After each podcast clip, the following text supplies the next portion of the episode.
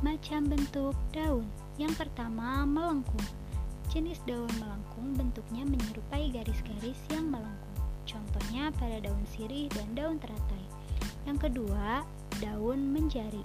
Tanaman dengan jenis daun menjari biasanya memiliki ukuran tulang daun yang besar. Bentuknya menyerupai jari-jari tangan.